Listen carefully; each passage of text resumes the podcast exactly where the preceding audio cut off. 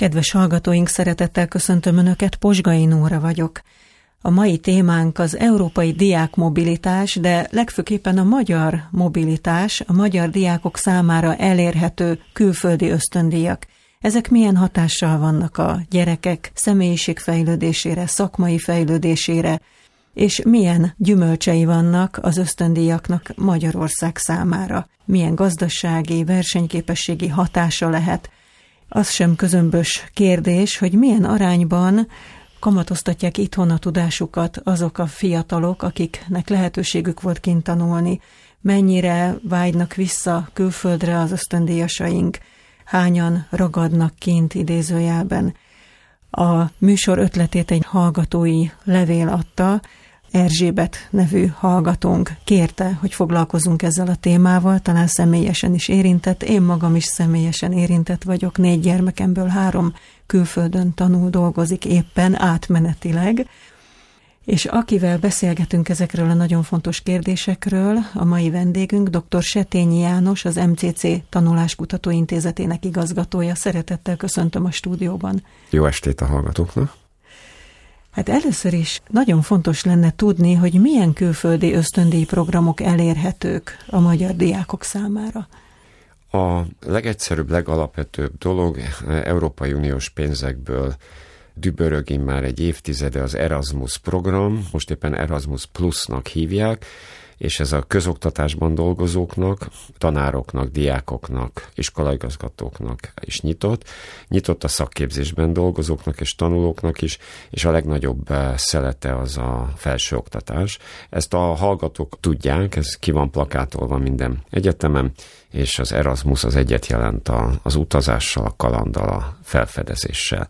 Vannak mindenféle kisebb ösztöndíjak, magyar ösztöndíjak is, közép-európai ösztöndíjak, az egész világot átfogó ösztöndíjak, úgynevezett kreditmobilitásos ösztöndíjak, és az adott célországok is kiírnak mindenféle ösztöndíjakat, amiket ügyesen az interneten keresve meg lehet találni, és akkor ezekre is lehet pályázni, de ha tömegekről beszélünk, akkor az EU forrásokról és az Erasmus Plusról beszélünk. A magyar állam is szám pénzt arra, hogy a diákok kimehessenek külföldre. Ugyan aránylik a magyar állam által adott ösztöndíj és a külföldi, európai világszintű ösztöndíj egymáshoz. A kiutazó magyar diákokat támogató magyar ösztöndíjak általában kicsik az európai programokhoz képest. A Stipendium Peregrinum már külföldi elitintézményekbe felvett kiemelkedő magyar hallgatókat támogat, és ez például 26 fő volt, ha például azt nézzük meg, hogy hányan utaztak a közoktatásból 2020-ban, 1300 magyar utazott Európában, 1100 szakképzési dolgozó és diák, és kb. 8000 egyetemi hallgató utazott, magyar egyetemi hallgató ki Európába, ebből 1300 az eltéről, tehát a méretek azok egészen különbözőek, de egy pont van, ahol a magyar állam nyilván uniós forrásokból rendkívül bőkező és ambiciózus volt, tízezer nemzetközi hallgatót hoztunk be az elmúlt évben, és ha azt lehet mondani, hogy a felsőoktatásunkban tanul 250 ezer hallgató körülbelül, akkor ennek most már a 14 százaléka nemzetközi hallgató. Tehát röviden a kiutazóknál döntően az európai program, az Erasmus Plus dominál, a beutazóknál viszont egy nagyon-nagyon bőkezű és ambiciózus magyar politika zajlik, minél több nemzetközi hallgatót próbálunk úgy bevonzani, hogy a költségeik egy jelentős részét meg is térítjük. Ez korábban 100% volt, Stipendium Hungaricumnak hívjuk ezt a programot. Tehát importban nagyok vagyunk, ez is persze uniós forrás. Ez nem? is sokszor politikai kérdés, ugye, mert azok felé, az országok felé nyitunk ilyen szempontból, amelyek felé gazdaságilag vagy partnerségi kapcsolatokat szeretnénk építeni. Így Tehát, van. Például Azerbajdzsán, vagy például azok az afrikai országok, vagy közel-keleti keresztényeket segítünk így. Tehát mindig ennek van egy, egy nagyobb célja, mint az, hogy konkrétan csak diákok jöjjenek. Így van, illetve hát meghatározóak az ázsiaiak is, tehát Kína, Vietnám. Ott inkább a jóképességű diákok, a többiek esetében a barátság, meg a későbbi kapcsolatrendszerek a döntőek. Ez lenne a célja, az egyik célja. A nagy kérdés az, hogy majd az öreg diák hálózaton keresztül tudjuk-e ezt hasznosítani, mikor diplomáznak. A nagy részük hazamegy, Egy részük itt marad, és nekem személyes benyomásaim is vannak, különösen az ázsiai hallgatókról. Ezek egy része nagyon okos, tehetséges lány, és különösen a közép-ázsiaiak elkezdenek magyarul tanulni, és derék magyar feleségek és családanyák lesznek belőlük.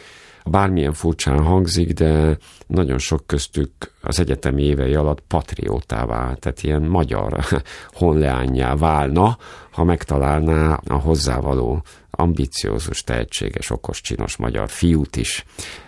Van egy nagyon érdekes tapasztalatom, a nagyon kedves magyarországi mongol nagykövet, Zenem Jadárbátba jár, nem tudom, ő van-e még, de sok évig ő volt. Ő például fiatal diákként jog, joghallgató volt itt, megtanult magyarul, véletlenül került ide, és aztán nagy magyar barát lett. Nem véletlenül említem a közép-ázsiaiakat, és a mongolok is ide csatolhatók, tudnék velük gyakorlatilag az ő elmondásuk szerint nincs kulturális különbség.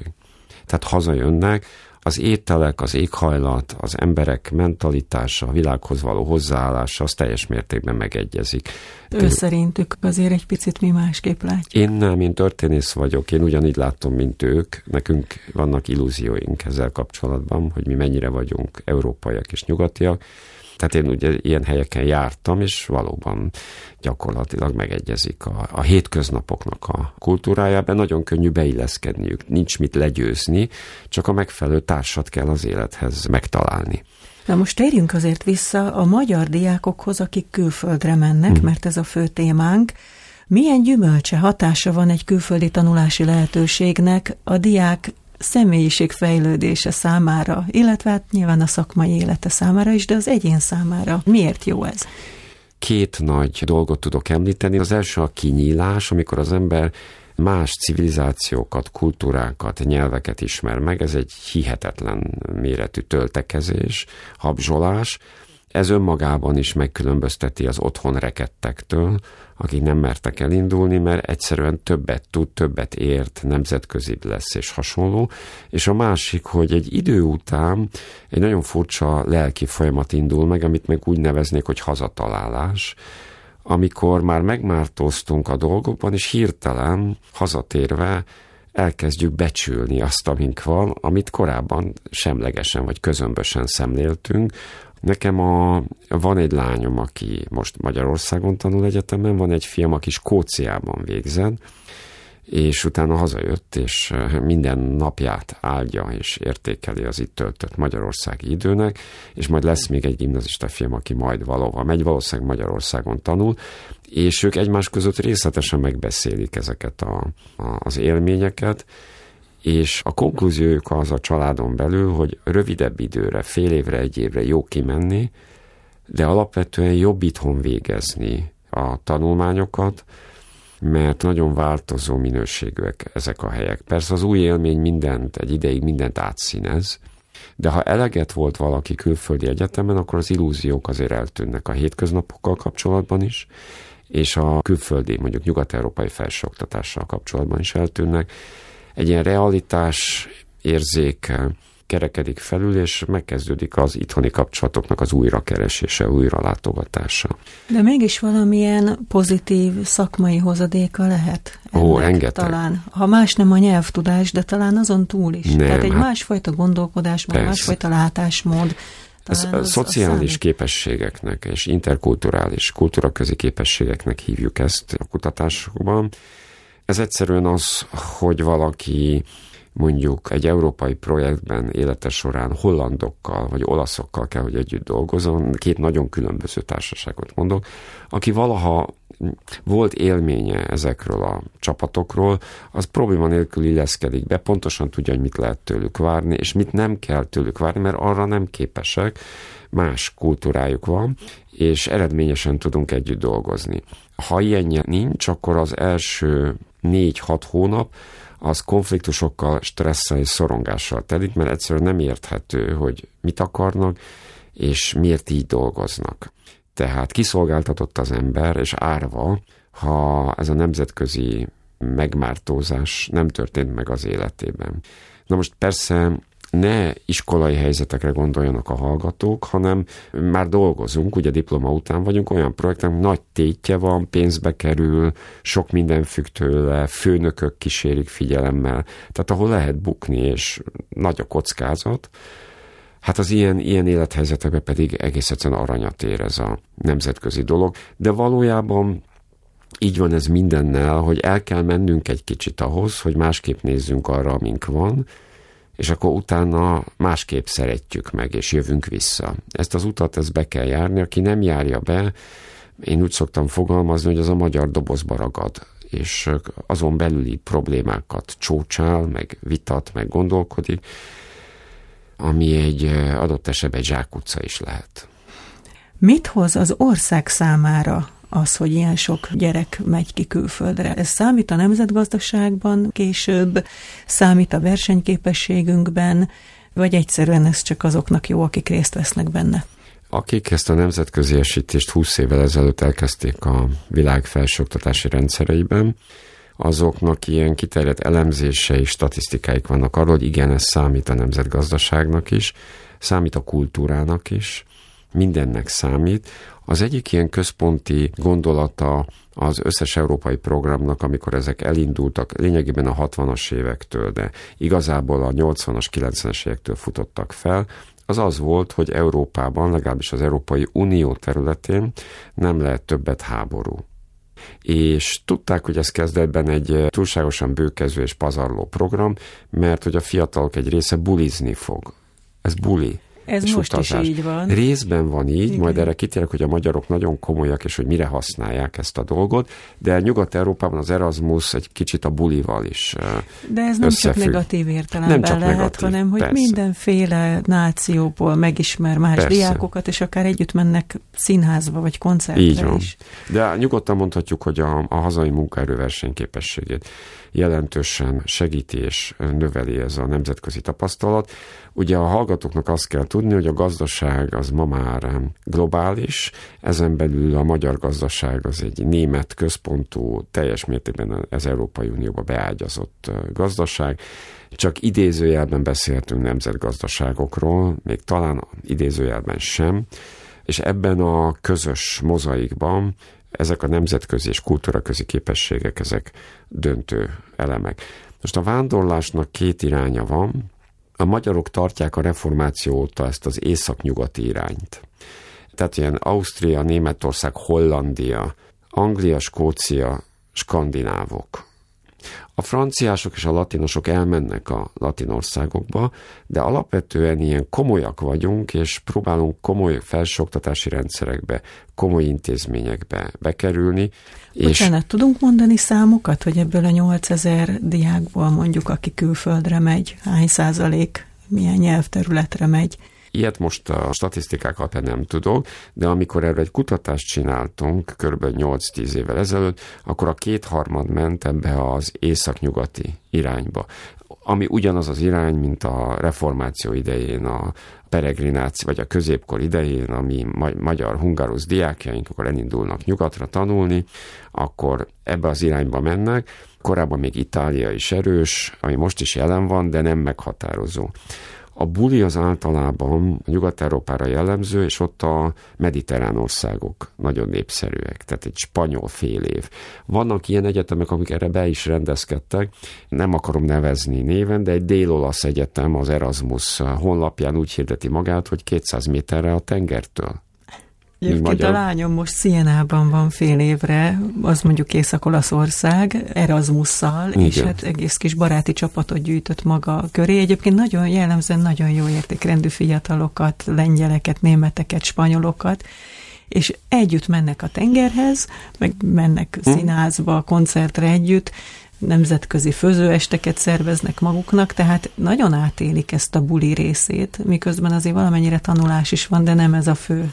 Hát ugye a, a buli, és sok hallgató most fel fogja vonni a szemöldökét, a buli az az egyik legintenzívebb tanulási forma egyrészt a nyelvet, a viselkedést, a, a más kultúrák ügyét, azt, azt nem a tanteremben tanulom meg, meg lehet erről könyveket olvasni, de a hétköznapokban még egy közös főzés, mindenféle nyelveken karattyoló közös főzés, az egy sokkal intenzívebb tanulási forma. Tehát ez is tanulás, nem csak a tantermi tanulás, úgyhogy igen, igen, ezt nagyon ügyesen csinálják, van egy olyan EU által támogatott ösztöndíj forma, ami meg nem csak az unió területére korlátozódik, hanem máshova is kreditátvitellel lehet menni tanulni, és itt meg a meghatározó Ázsia. Ugye itt felvetődik egy kérdés, hogy a világgazdaság központja az áttevődött Ázsiába. Egyelőre második legerősebb gazdasága a világnak Kína, de nagyon hamar az első. Hát attól függ, hogy számoljuk, dollár, dollárban a második, Igen. ha pedig vásárlóerő paritáson, PPP-ben, akkor messze-messze az első már 2020-ban. Tehát úgy, hogy messze, messze az első. És az egyetemeik is jönnek fel a nemzetközi rangsorokon, a, hát a, a csúcson vannak, de még nem egészen a legelsők. Nyilván egyre több ember választja a Kína mellett, persze ott van Szingapur, Japán, még más Korea vonzó célpontok, ezeket az ázsiai egyetemeket, de ezt az Unió így nem fogja megfinanszírozni. Viszont Európában meg az a probléma, hogy egy gyönyörű földrész, nagy hírű régi egyetemekkel, de a globalizáció miatt azért egy kicsit már nagyon hasonlóak vagyunk. Mi is rengeteget fejlődtünk, felzárkóztunk, és Lisszabonból átjönni Budapestre az egy mágikus utazás, az emberek, a mentalitás kicsit más, de azért hamar meg lehet szokni. Az egyetem jobb, mint Portugáliában, komolyabb, de hát azért egy két-három hónap után azt érzi az ember, hogy Európában van. Tehát Ázsiából érkezve, ha az ember egy repülőről leszáll, akkor, hogy Bécsben Lisszabonban, Aténban vagy Budapesten landol, az már mindegy, az körülbelül olyan, mint Szolnokon vagy Salgótarjánba raktak ki, ahonnan még haza kell jutnom Budapestre. De már nincsenek akkora különbség. Az igazi interkulturális tanulás, az majd Ázsia. A közel-kelet egyre nem működik, geopolitikai okok miatt, tehát oda a gyerekeket biztonságban, nem, meg nagyon más rom, kultúra, ott van, ez a, ott, igen, ott van az iszlám, India pedig egész egyszerűen még nem tud olyan körülményeket biztosítani, ahol jó szívvel elengedném a gyereket, de hamarosan ezek is meg fognak mozdulni. Egyesült Államok, Ausztrália, Fulbright ösztöndíjakkal és mindenféle más magánösztöndíj rendszerekkel eddig is működött, Ausztrália túl messze van, az Egyesült Államoknak pedig finoman és nagyon csöndesen, de csökken a vonzereje. Egyrészt a közbiztonság a nagyvárosokban tragikus, tehát gyereket oda elengedni, ahol hetente lövöldöznek. A csendesebb vidéki helyek azok jók, az amerikai családok, a hétköznap, a kisemberek élete érdekes, azt meg lehet tanulni, de a probléma az, hogy az ottani kisebb és vidékibb akadémiai intézmények ahova küldeni a gyereket. Ezeknek a színvonala, ez nem üti meg az európai felsőoktatás színvonalát. A nagy egyetemek meg iszonyúan ideológiailag indoktrináltak. Részben meg jó. Nagy, jó rész nagyvárosokban helyezkednek el, és ott meg kell gondolni a biztonságot a gyerek kapcsán. Nyilván vannak elitintézmények, oda be lehet több évre is rakni őket, mert a kampuszon védik őket, és ott laknak, de tömeges mobilitást ebbe az irányba nem tudok elképzelni. És hát most jön a nagyon érdekes fogas kérdés, ami a műsorunk apropóját is adja. Hagy idézzek Erzsébet nevű hallgatónk leveléből. Úgy tűnik nekünk, hogy szinten lefölözik a nyugat számára a tehetségeket állami segédlettel. Ez nem teljesen igaz, ahogy az eddigiekből kiderült, de hányan jönnek haza és dolgoznak Magyarországon azután azok közül, akiknek lehetőségük volt külföldön tanulni, és hányan vágynak vissza? Tehát elveszítjük-e azokat a fiatalokat nagy arányban, akik egyszer már külföldön voltak, és megtapasztalták, hogy ők tudnak, szeretnek más kultúrája emberekkel máshol élni, és mennyire jönnek haza? A kérdés érthető, de a világ egy picit ennél bonyolultabb. Ez a kérdés még a mester diplomával rendelkezők esetében se nagyon merül fel, nem nagyon kapkodnak értük, csak néhány területen, fizika, matematika, kémia, ahol ugye általában igaz, hogy van egy civilizációs válság nyugaton, és hogy úgy mondjam, fehér ember nehéz és bonyolult dolgokkal már egyre kevésbé foglalkozik. Kaliforniában a természettudományos laborok kétharmadában kínaiak kutatnak. Egész egyszerűen az amerikák nem tudják, nem akarják már. Mert kommunikációt, marketinget, jogi ismereteket tanulnak, de mondjuk atomfizikát már nem, vagy, vagy szerves kémiát, mert ezek nagyon nehéz dolgok.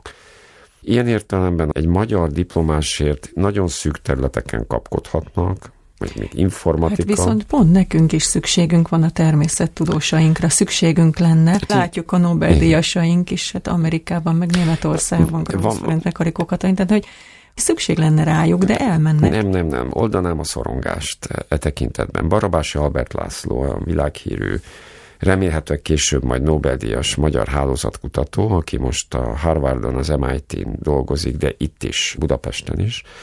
Ő a Siker című klasszikus könyvében, vagy a Siker képlete, nem tudom, mert az angol kiadást néztem, világosan leírja, hogy a világ hálózatokra és csomópontokra oszlik, a tudományban is. És nem kaphat természettudományos Nobel-díjat, aki nem töltött el x évet Bostonban, ez a Harvard és az MIT gyakorlatilag, illetve egy csomópont mondjuk Európában Max Planck intézet, ahonnan a mi Ferencünk azért csak megkapta a Nobel-díjat, de ezek ritka kivételek, és alapvetően a nagyobb csomópontokba kell vándorolni ahhoz, hogy esélye legyen az embernek. A karikókat annak is el kellett mennie. Na de hát pont ez az, tehát hogyha kiképezzük de nem tudunk a fiataljainkat, Mindenki elmegy a nagy csomópontokba, a hollandok és az olaszok is elmennek. A franciák is. Egyébként. A franciák is elmennek, tehát nem lehet Európában Nobel-díjat kapni. A nagy csomópontokat 1945 után az Egyesült Államok magához vonta, ott vannak ezek, és valószínűleg megjelennek nagy csomópontok Kínában. Tehát két helyen lehet a jövő fiataljainak eh, igazán beérkezni, különösen olyan területeken, mint a gyógyszeripar és hasonló. Az egyik az az Egyesült Államok, a másik Kína.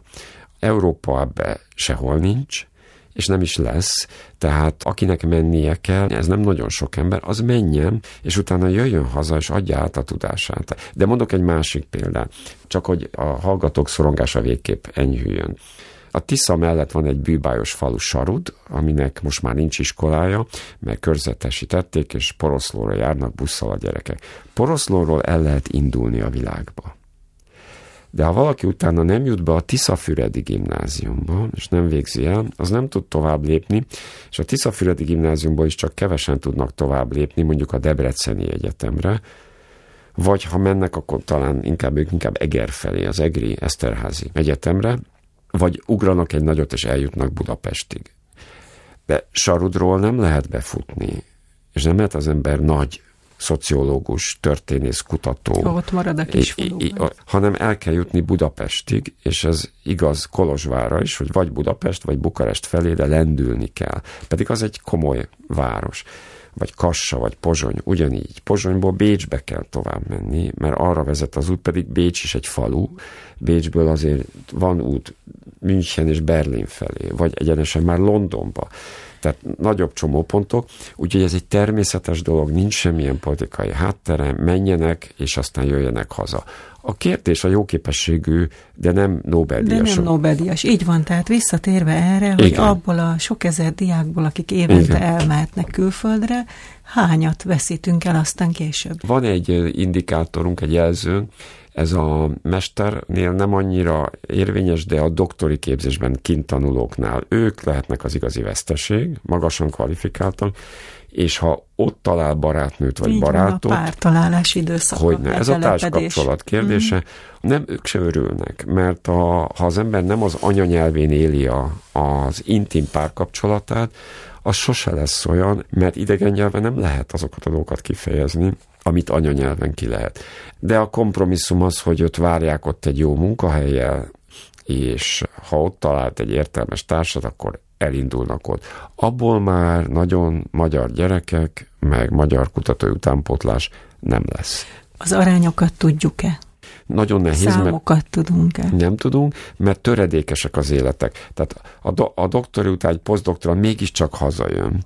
Szakít a párjával, elválnak, akkor hazajön. Tehát, hogy bonyolult, akkor az ingáznak. Ön, ön megérzése szerint milyen arányban? Hogy azért har... a többség mégiscsak hazajön, vagy azért a többséget elveszítjük? Egy harmadot egészen biztos, hogy elveszítünk, de ez nem valódi veszteség, mert ők is magyarok. Amikor nekünk egy európai projektben súlyos vitáink keletkeztek egy minősíthetetlenül viselkedő holland csapattal, akik a konzorcium tagjai voltak, együtt dolgoztunk, akkor Brüsszel egy ilyen jogi szakértőt rendelt ki, hogy tisztázza a helyzetet. És ez a jogi szakértő Brüsszelben élő magyar volt. Onnantól megnyertük az ügyet mert az anyanyelvünkön el tudtok mondani, hogy mit csináltak velünk ezek a hollandok, és hogy viselkednek, és ez egész más közeg, mint hogyha egy spanyolt rendelnek ki, mindenféle előítéletekkel, szorongással, aki nyilván a két csoport közé akar beállni, és meg akarja úszni az esetet egy bürokratikus jelentéssel, amit lead majd a főnökeinek Brüsszelbe.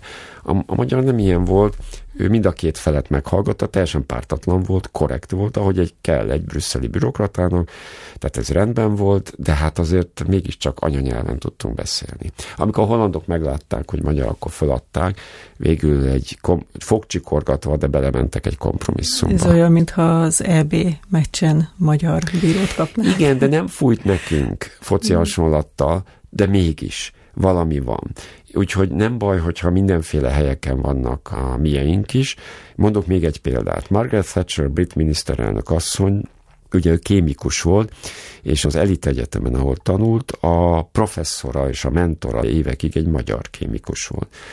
A Thatcher elmondása szerint életében először járt a vasfüggönyön túl egy kommunista országban, gyűlölte és megvetette a kommunizmus, mint politikai rendszer, de mégis eljött, és pozitív élményei voltak, és komolyan tárgyalt, és az egyik ilyen tényező ebben a kinyílásában és a párbeszédre való nyitottságában az a magyar professzora volt, mert a fejében világosan el tudta választani, hogy Magyarországnak akkoriban milyen politikai rendszer van, és hogy milyen emberek a magyarok. Tehát megtérülő dolgok ezek, nem kell félni a veszteségektől, és még egy megnyugtató dolog.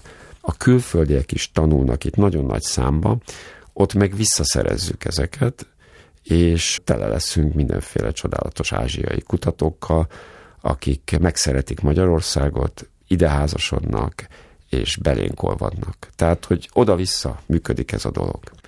Ez itt az adásnak a vége, lejárt az időnk.